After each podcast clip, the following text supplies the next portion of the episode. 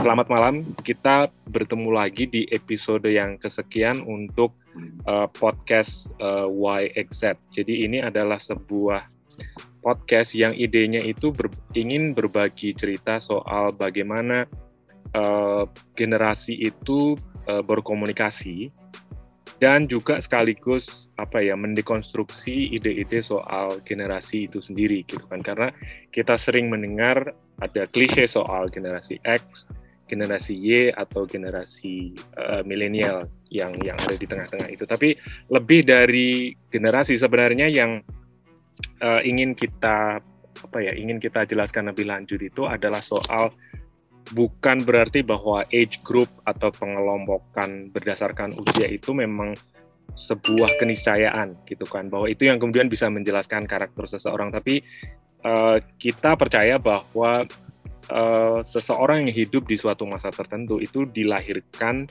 dan menjadi besar karena pengaruh lingkungannya gitu kan.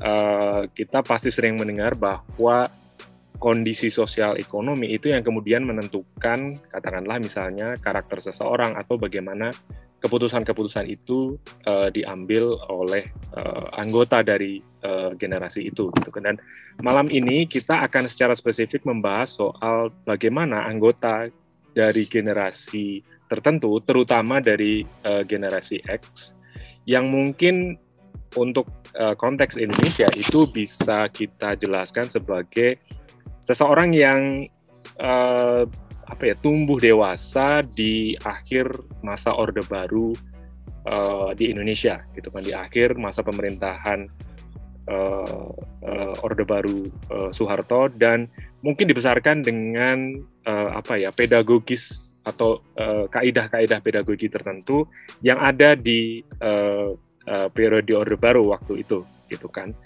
Uh, jadi uh, lebih dari sekedar definisi generasi, tapi ada kondisi khusus yang mengkondisikan orang tua itu atau seseorang yang ada di masa itu untuk uh, menjadi uh, manusia dewa, dewasa yang kemudian ketika dia berkeluarga pasti ada turunan-turunan nilai-nilai yang kemudian akan dia bawakan dan dia akan turunkan ke uh, anak-anaknya gitu.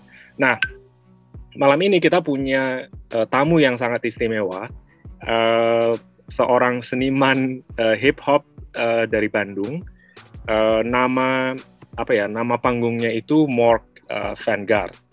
Dan kalau ada teman-teman yang uh, sempat tahu tahu scene hip hop Bandung, dulu uh, tamu kita ini adalah salah satu dari pendiri uh, kolektif hip hop uh, Homicide, uh, Bung uh, Heri uh, Sutresna atau Ucok Homicide. Selamat malam, Bung.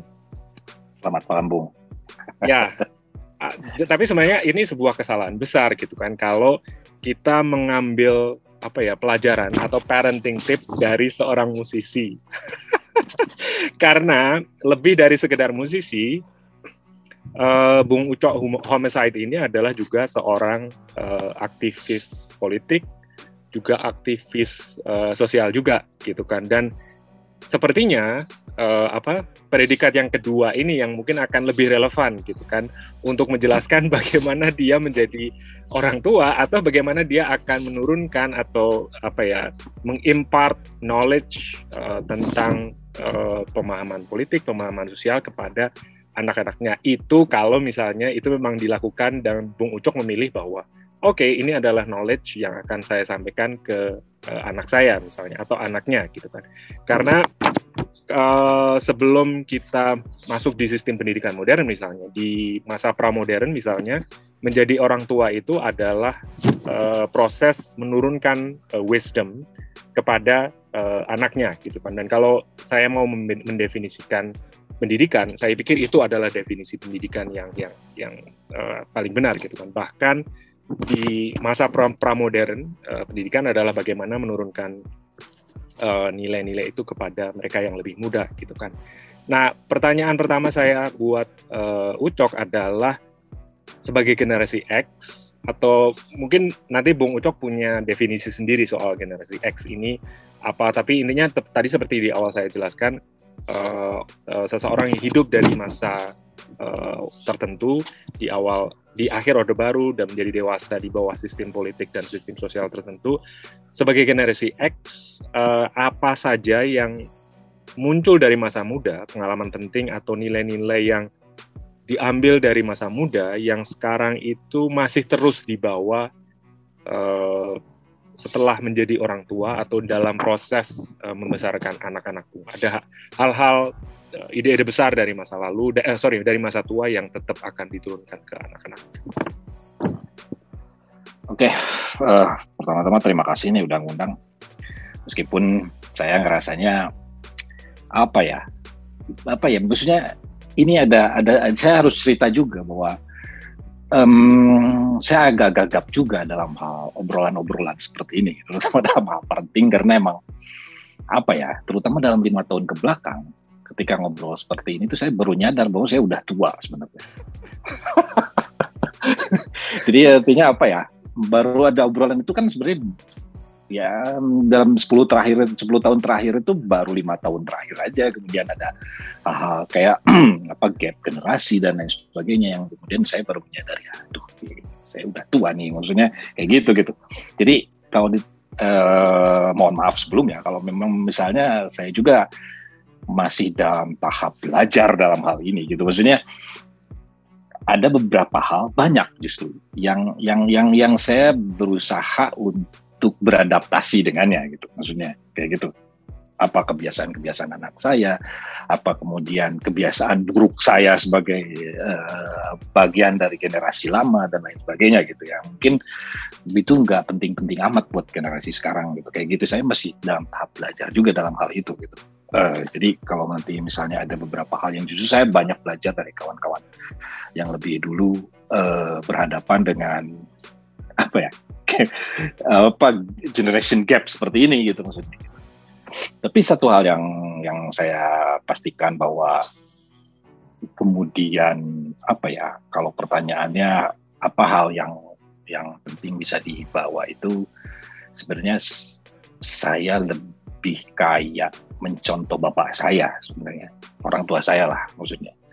Um, ketika orang tua saya tuh gak banyak apa ya preaching hmm. tapi sebaliknya adalah lebih banyak mencontohkan kayak gitu. Jadi kayak uh, jadi buat saya itu sedikit banyaknya itu dipakai sampai hari ini gitu kayak gitu. Jadi kayak kayaknya kayaknya saya saya nggak harus uh, preaching soal ini soal itu. Mungkin dalam beberapa hal ya ada gitu soal beresin kamar gitu itu itu memang itu saya itu saya cerewet soal itu. Tapi dalam hal-hal yang lebih luas lagi kayaknya saya gak apa ya gak lebih lebih banyak kayak mencontohkan aja sih maksudnya. Uh, mungkin uh, apa namanya dalam hal tadi kayak yang Bung Taufik uh, tanyakan kayak misalnya hal uh, apa namanya sosial atau politik atau uh, apa pun lah gitu. Maksudnya saya lebih lebih lebih nyaman ketika kemudian saya lebih uh, posisi saya adalah sebagai uh, apa ya bukan sebagai orang tua yang lebih punya pengalaman kemudian uh, memberikan petuah-petuah meskipun ada sedikit tua dikit gitu kebiasaan-kebiasaan buruk itu. Tapi eh, paling enggak saya eh, bisa bisa memilah mana yang kira-kira harus dicontohkan atau atau yang mana yang kira-kira lebih lebih eh, apa ya kadang-kadang eh, lebih lebih sering saya eh, kasih nasihat gitu. Misalnya gitu, jangan terlalu banyak megang handphone, lebih baik baca buku. Itu sebenarnya mungkin buat anak-anak sekarang nggak relevan gitu ya. Yeah, sia-sia mereka itu. juga ya sia-sia itu mungkin mereka juga baca buku dari PDF on apa ebook gitu mungkin nggak tahu juga ya. Maksudnya yeah, yeah. hal, hal seperti itu gitu. Tapi ya kadang-kadang itu masih tetap terjadi kayak gitu mm-hmm. intinya. Jadi banyak hal lain lah maksudnya. Tapi ya lebih saya lebih banyak ini sih lebih banyak kayak misalnya saya membawa anak-anak ke tempat-tempat yang memang mereka nanti bertanya gitu. Mm. Meskipun meskipun ada juga hal-hal yang yang mereka tanpa saya tanpa saya apa ya, istilahnya eh, bawa pun mereka suka bertanya gitu, mm. terutama aktivitas saya kemudian hmm, kenapa saya melakukan ini, melakukan itu dan lain sebagainya. Jadi kayak justru triggernya dari apa yang saya lakukan gitu. Jadi mereka mereka tuh curious dengan sendirinya gitu, penasaran gitu. Mungkin lebih ke situ sih. Kalau garis besarnya ya, garis ya. besarnya. Gitu. Nah, tadi uh, itu lebih kepada metode dan lo masih bercerita secara umum. Tapi kalau ya. saya boleh tahu, ada nggak hmm. hal atau nilai atau value atau pandangan politik atau pandangan sosial atau ideologi yang lebih spesifik yang itu diniatkan memang diturunkan ke uh, anak-anak? Ya ada ada ada ada ada ada dalam beberapa hal yang yang apa ya tapi kayaknya ini tuh bukan ideologi ideologi amat itu hal yang universal ya. ya meskipun pada tatarannya kemudian dalam hal praktek mereka mempertanyakan hal yang praktek itu lewat mempertanyakan aktivitas saya kenapa ini kenapa begitu. Tapi kalau yang saya uh, berikan itu lebih kayak universal ya kayak pernah saya uh, menceritakan tentang rumah bintang kolektif rumah bintang yang di depan yang di depan rumah bintangnya itu ada tulisan kayak uh, apa kurang lebih ya kurang lebih kayak uh, sebagus-bagusnya manusia itu yang bermanfaat buat orang lain. Kayak gitu misalnya itu kan universal sebenarnya iya, iya.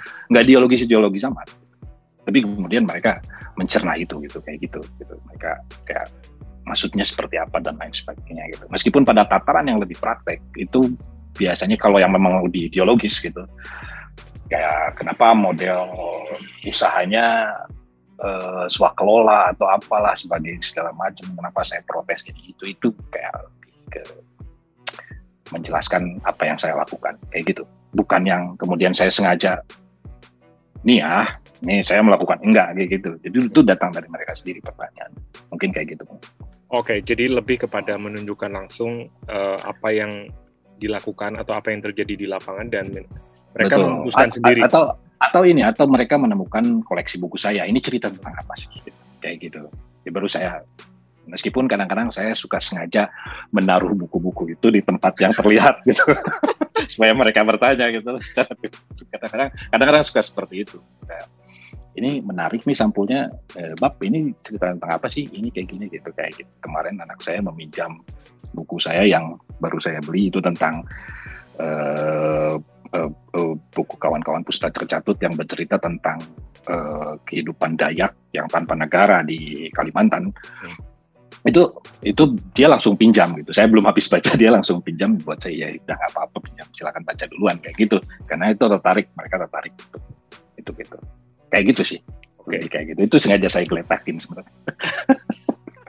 jadi jadi memang ada upaya sadar untuk kayak semacam uh, memasang uh, apa uh, pancing gitu kan dan ada ada ada uh, ya dan uh, kalau saya boleh pakai prosentase misalnya uh, itu berapa persen apa berhasil gitu kan. Atau masang pancing tapi mungkin cuman uh, seminggu sekali diambil gitu.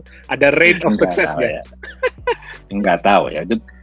Saya nggak tahu parameternya apa gitu untuk mengukur itu. Tapi yang pasti ketika mereka penasaran itu udah saya itu lebih dari cukup buat saya. Misalnya ketika saya memakai kaos uh, kaos saya yang uh, kaos aliansi kawan-kawan, aliansi warga uh, menolak penggusuran itu. Mm-hmm. Kan saya punya kaosnya tuh. Saya pakai kemudian anak-anak bertanya itu udah buat saya udah lebih dari cukup ya maksudnya. Mereka mempertanyakan itu, itu, itu apa? Maksudnya apa? Segala macam itu. Meskipun mereka tahu juga bahwa pada saat-saat penggusuran itu saya ada di lapangan mereka tahu juga sebenarnya gitu tahu. Tapi mereka kadang-kadang nanya itu gitu kayak ketika saya baru pakai kaosnya gitu. Kayak gitu. Kayak gitu. Oke okay, uh, tapi saya nggak tahu kalau nanya persentase seberapa berhasil saya nggak tahu juga gitu ya yeah, ya yeah. uh, saya pernah baca artikel soal uh, dua anak perempuan uh, Obama gitu kan ini bukan soal Obama dan uh, pandangan politiknya tapi yeah. Ya. uh, Obama itu presiden Amerika Serikat dan mungkin presiden yang salah satu yang paling hmm, cool lah dalam tanda kutip gitu kan. Dan mungkin salah satu politisi yang paling terkenal gitu kan. Tapi buat hmm. anaknya dua anak perempuannya itu Obama adalah orang yang paling tidak cool di rumah gitu kan. Artinya orang yang pokoknya nggak cool banget di rumah gitu kan. Dan itu menunjukkan bahwa uh, apa ya kadang-kadang ada bukan resistensi tapi ketika kita hidup dengan mereka itu ada hal yang membuat uh, kita misalnya dengan mudah dinilai oleh mereka untuk uh, tidak apa ya tidak cool lah menurut uh, istilah mereka gitu kan. Uh, itu terjadi juga nggak di rumah tangga bu? ah itu dia. Itu kadang-kadang saya penasaran juga dengan persepsi mereka tentang saya gitu. Tapi saya nggak menanyakan itu kadang-kadang mereka suka berdiskusi dengan sepupunya tentang saya apa hmm. bicarakan apa segala macam. Yang saya penasaran adalah apakah itu sesuatu yang cool buat mereka atau enggak misalnya ya. suatu hari anak saya yang kedua itu protes. Maksudnya dia maksudnya eh, secara tidak langsung ya maksudnya saya nggak tahu itu protes apa enggak tapi kalau buat saya protes. Kenapa sih babab gitu panggilan saya itu babab gitu. Uh, kenapa sih itu babab ada di Spotify di recommendednya gitu? Maksudnya nggak cukup. Maksudnya gini kalau pembacaan saya gitu pembacaan saya nggak cukup apa saya lihat di rumah kenapa harus ada di list Spotify dia gitu kan itu maksudnya pertanyaan besar juga buat saya apakah itu sesuatu yang cool atau emang buat ya aduh kenapa sih mengganggu annoying gitu. Maksudnya kan ada dua kan di situ. Ya, ya. sih ada di sini gitu? Dia dia ngirim WhatsApp dengan moto foto screennya itu gitu kayak gitu screen capture. Ya pertanyaan kan di situ dari ada dua bahwa apakah itu memang sesuatu yang cool atau buat mereka tuh annoying gitu. Di rumah dia ngelihat tiap hari terus kemudian kita keluar kemudian ada lagi muka saya di screen. I don't know. Mungkin lah. Ya karena karena saya saya bertanya itu karena mungkin saya uh, apa uh, image bahwa de ketika dekat dengan orang tua dan menemukan bahwa orang tuanya itu dorky atau tidak cool itu ya, mungkin juga punya implikasi bahwa mungkin mereka juga mempertanyakan pilihan-pilihan Betul. politik misalnya atau pilihan-pilihan uh, ideologis atau pilihan-pilihan yeah. hidup lah. Uh, eh, yeah. Dan itu kemudian menimbulkan implikasi uh, uh, ada ide-ide yang secara apa ya ide-ide yang mereka nggak bisa terima juga gitu kan. Uh, no. Ada nggak yeah. kekhawatiran seperti itu atau kasus di mana itu terjadi gitu? Saya menunggu momen itu sih sebenarnya. Saya menunggu momen debat itu. Jadi tapi kayaknya masih menunggu aja kayak karena anak saya yang paling tua itu baru umur 20. Yang kedua baru 17 tahun, yang ketiga baru 15 tahun. Jadi kayaknya hmm, belum masuk ke umur-umurnya debat gitu ya. Mereka masih meras, masih mencoba mencerna gitu apa, kemudian belum menemukan hal-hal yang kontradiktif atau apa kayak gitu masih masih menerka-nerka atau masih ya itu memproses mungkin gitu ya. Tapi saya menunggu momen itu sebetulnya gitu, menunggu momen bahwa kemudian mereka mempertanyakan, memperdebatkan dan lain sebagainya. Dan pada saat itu saya harus siap dengan jawaban-jawaban saya gitu, mungkin kayak gitu.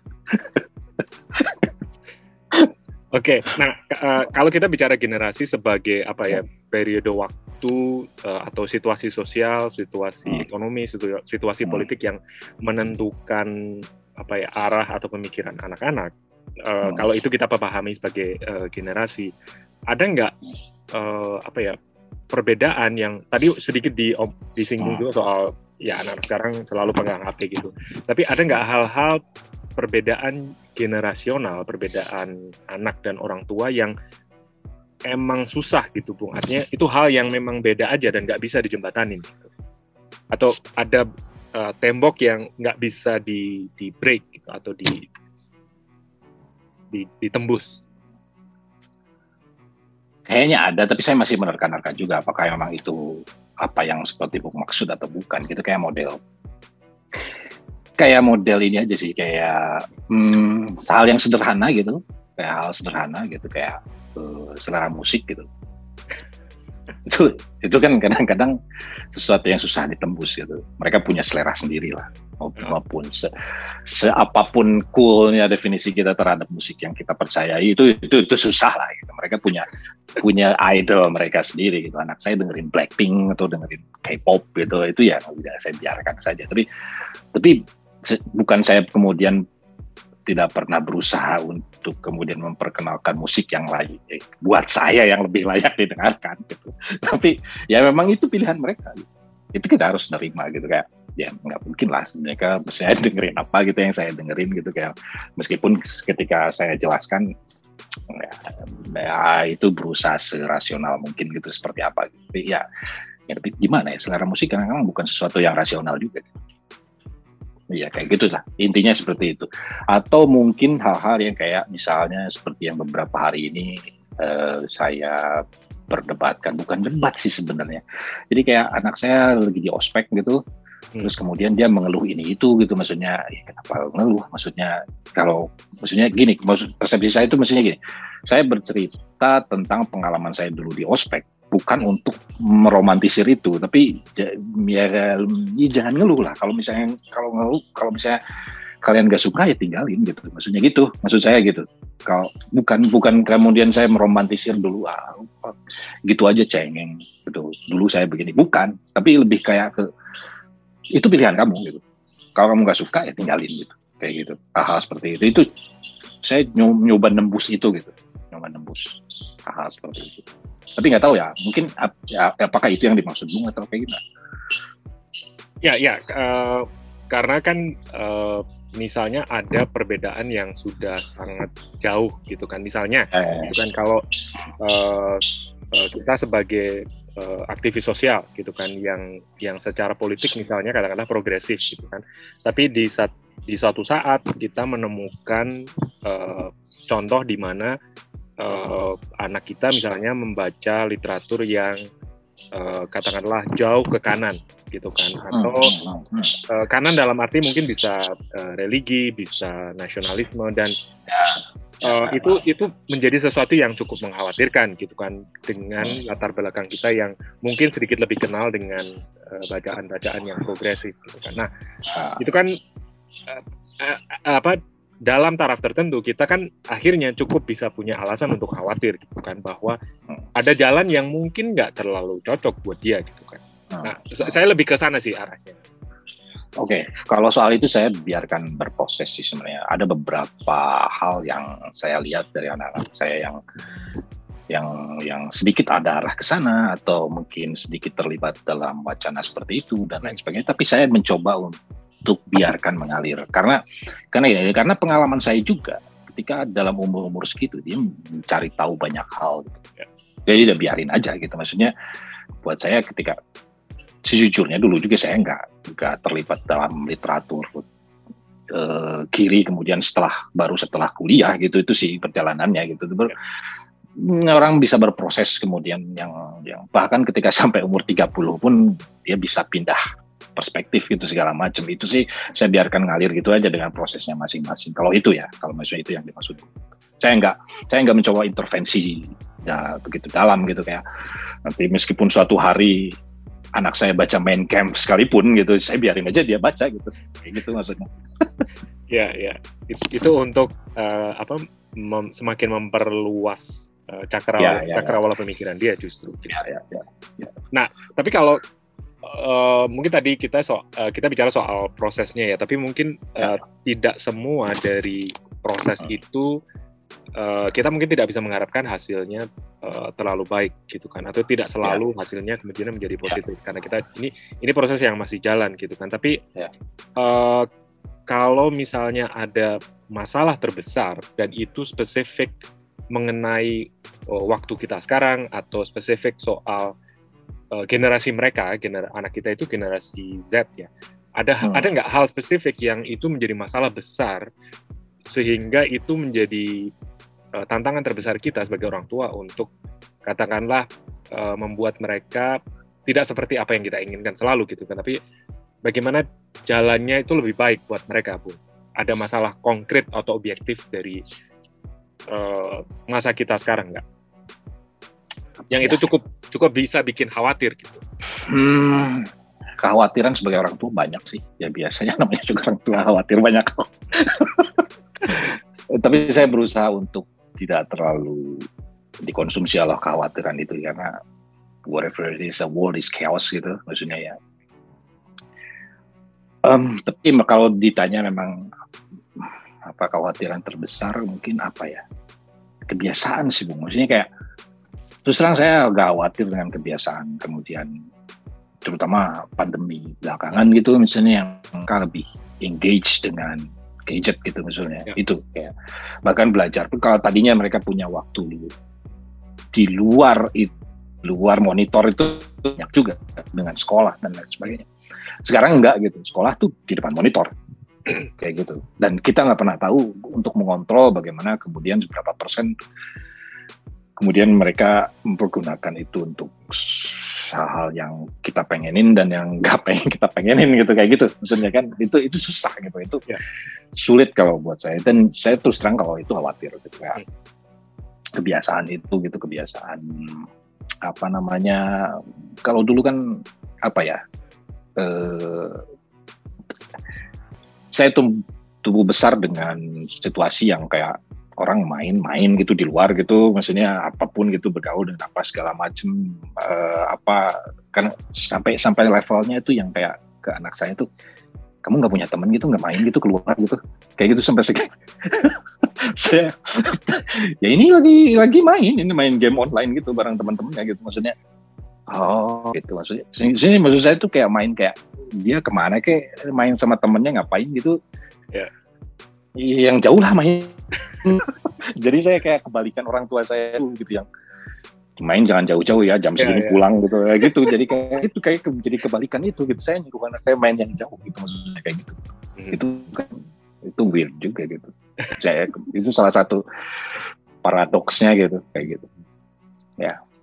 Oke jadi masalah terbesarnya adiksi teknologi itu ya. Tapi lebih ya, kepada ya, kalau buat saya Ya, tapi ini ini kekhawatirannya lebih kepada efek behavioral atau ya ya saya mencoba membuatnya jadi uh, apa agak sistemik gitu bahwa oh ini ada hmm. katakanlah misalnya oh surveillance capitalism atau membuat anak menjadi lebih uh, konsumtif atau membuat mereka uh, misalnya ter apa ya terjerumus ke uh, lubang hitam Eh, konspirasi teori misalnya gitu kan karena terlalu lama di internet gitu.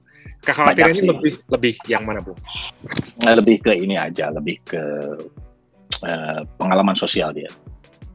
Pengalaman sosial dia beririsan dengan orang lain, pengalaman sosial kemudian uh, apa konstruksi realitas sosial di luar gadget dan lain sebagainya. Mungkin itu kalau buat saya lebih ke situ sih sebenarnya. Kalau kalau permasalahan kemudian ada efek ini itu dari wacana di luar, kayaknya tanpa harus gadget juga kan orang bisa gitu. Tapi ini lebih kayak bagaimana dia berurusan dengan realitas sosial di luar sana yang memang kadang-kadang berbeda ya maksudnya kadang-kadang berbeda banget gitu dengan apa yang ada di monitor gitu kayak gitu. Ya, ya, ya. Karena waktu kita, waktu zaman kita pun kan uh, percaya soal uh, konspirasi UFO atau uh, konspirasi Freemason itu kan nggak ada internet juga banyak yang banyak. Itu yang bacaan itu juga kan. Ya ya ya, ya betul. Kemudian uh, apa namanya fobia fobia kita terhadap orang lain dan lain sebagainya itu juga kan kita lah dapat juga gitu. Ya, kemudian ya. kenapa kita dulu zaman saya SMP gitu begitu membenci orang Cina gitu kayak gitu gitu itu ya, kan ya. itu ya ya lahir ada ada di luar sana gitu. Ya. kita kita rasain itu bukan sesuatu yang itu bakal berhadapan dengan itu. Tapi lebih ke itu tadi kalau buat saya sebenarnya realitas bagaimana dia ngelihat realitas sosial yang berbeda dengan realitas virtual gitu. Mungkin itu.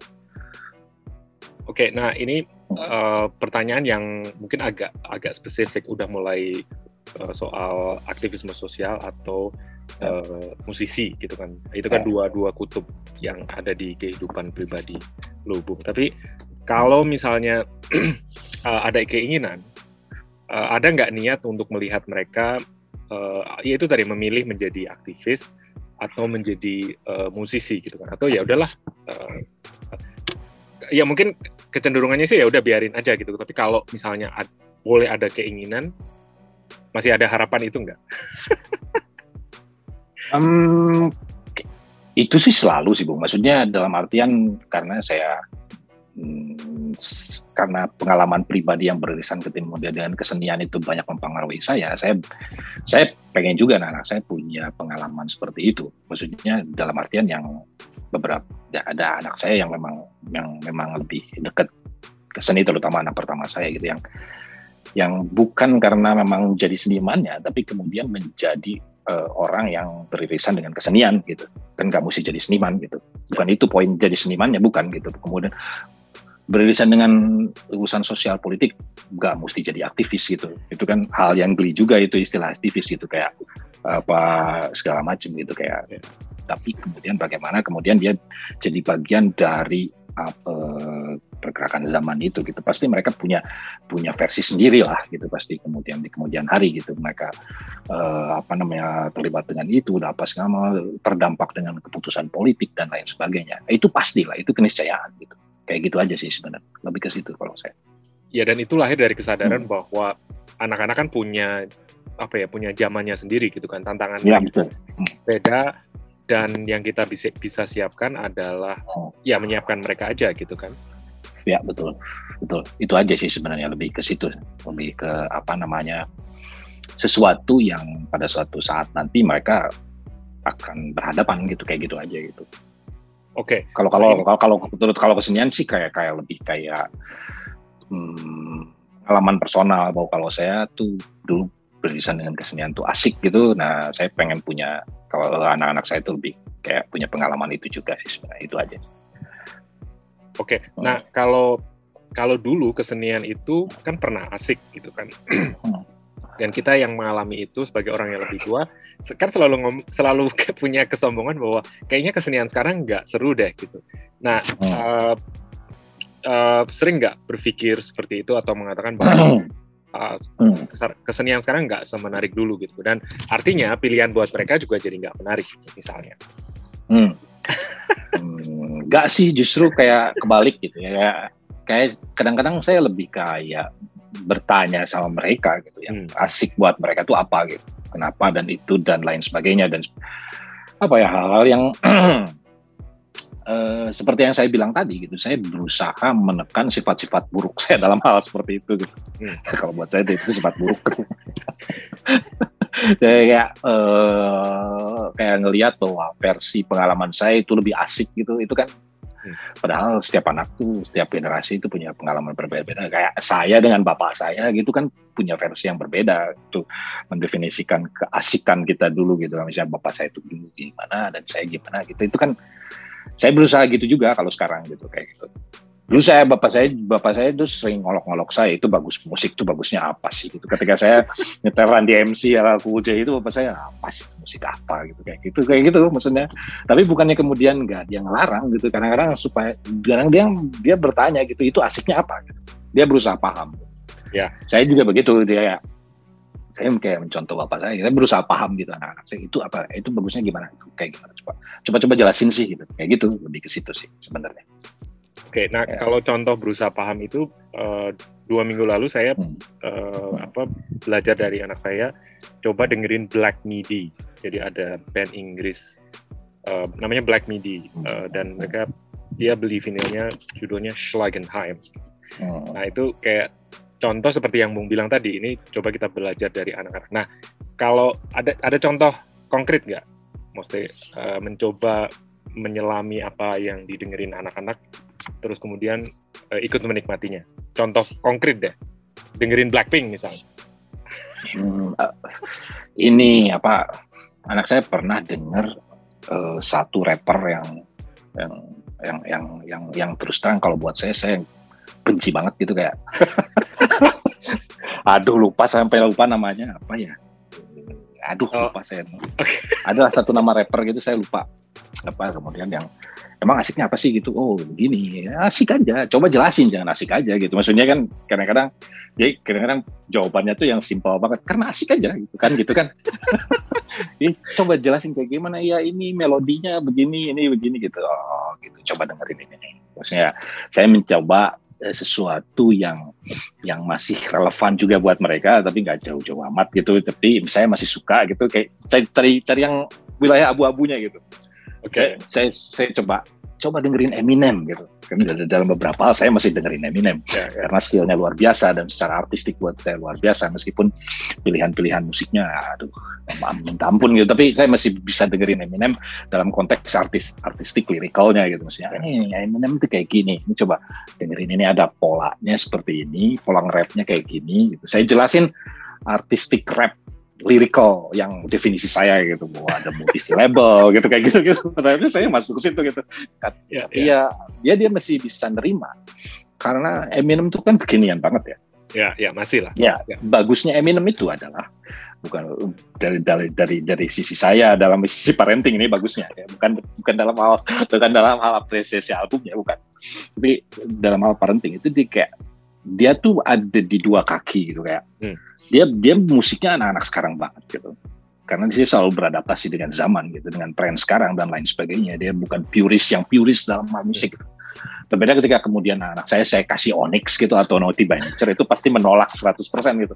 Tapi ketika saya kasih M&M dia itu masih kayak oke, okay, ya oke okay, dia paham. Kemudian masuk ke konteks lirikalnya gitu. kayak gitu sih kalau buat saya. Mungkin okay. cari, saya coba cari tengah-tengahnya itu apa ya yang bisa nyambung ke dia mungkin itu. Oke. Okay.